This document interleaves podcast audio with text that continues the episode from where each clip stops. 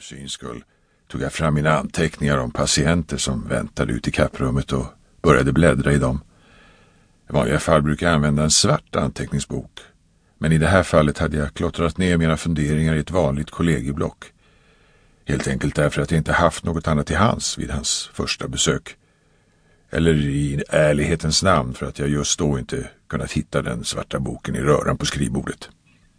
Att jag inte använde mig av regelrätta journaler i det löpande arbetet hade med åren blivit en vana.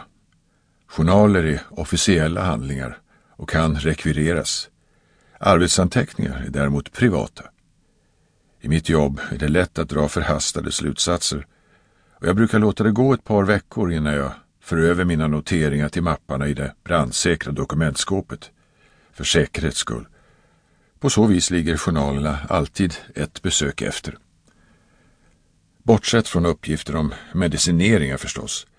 De läser jag in på mitt fickminne med en gång. En avancerad liten apparat med dattband som har kostat en förmögenhet. Egentligen behövde jag inte läsa på inför mötet med Tage Jensen. Jag hade alla detaljerna om den utbrände författaren som kom in på mottagningen för två månader sedan i färskt minne.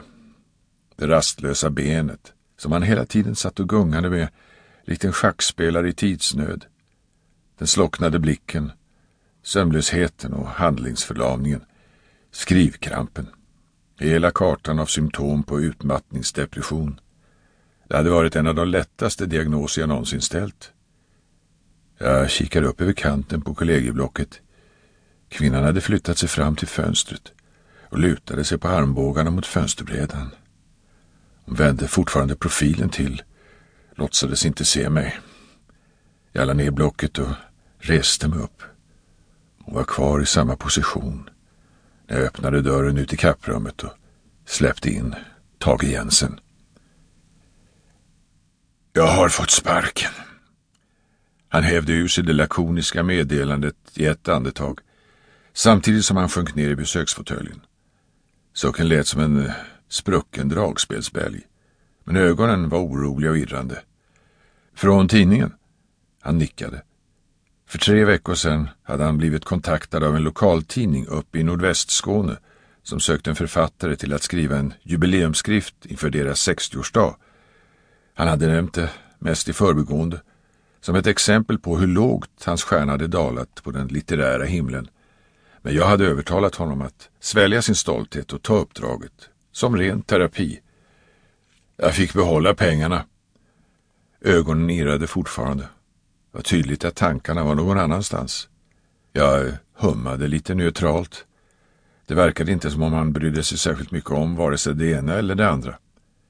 Han hade börjat gunga med ena benet igen. Så såg han bort mot fönstren. Jag följde hans blick. Kvinnan hade försvunnit. Han såg fortfarande förbi mig när han frågade. Jag skulle inte kunna få ett glas vatten. Jo, visst. Jag reste mig upp och gick ut i det lilla pentryt bakom kapprummet. Jag hade låtit sätta upp en tub med plastmuggar vid sidan av vattenkranen just för ändamålet.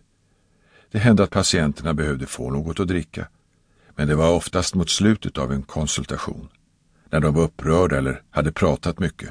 Och så förstås om de åt antidepressiva tabletter som torkade ut slemhinnorna. Tage Jensen hade inte gjort något dera. När jag kom tillbaka hade han slutat gunga med benet. Men han såg på mig som om jag hade ertappat honom mitt i ett försök att stjäla min persiska matta. Jag hade den på golvet därför att det geometriska mönstret hade en harmonisk inverkan på patienterna. Åtminstone hade jag fått för mig det. Det är någon som är efter mig. Jag räckte honom muggen utan att säga något. Han tog den och drack ur allt vattnet i ett svep. Efter dig? Han nickade och blev sittande med den tomma plastmuggen i handen. Ögonen irrade igen, som om han letade efter ord längs taklisten. Så ryckte han på axlarna. De sa att de hade ändrat sig, att jag var överkvalificerad. Att det var onödigt att ta upp min tid med något som en av deras egna journalister kunde klara.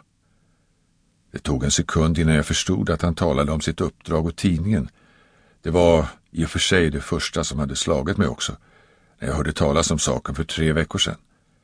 Men sen hade jag tänkt att de kanske ville sprida lite extra glans över sin jubileumsskrift med hjälp av Tage Jensens namn.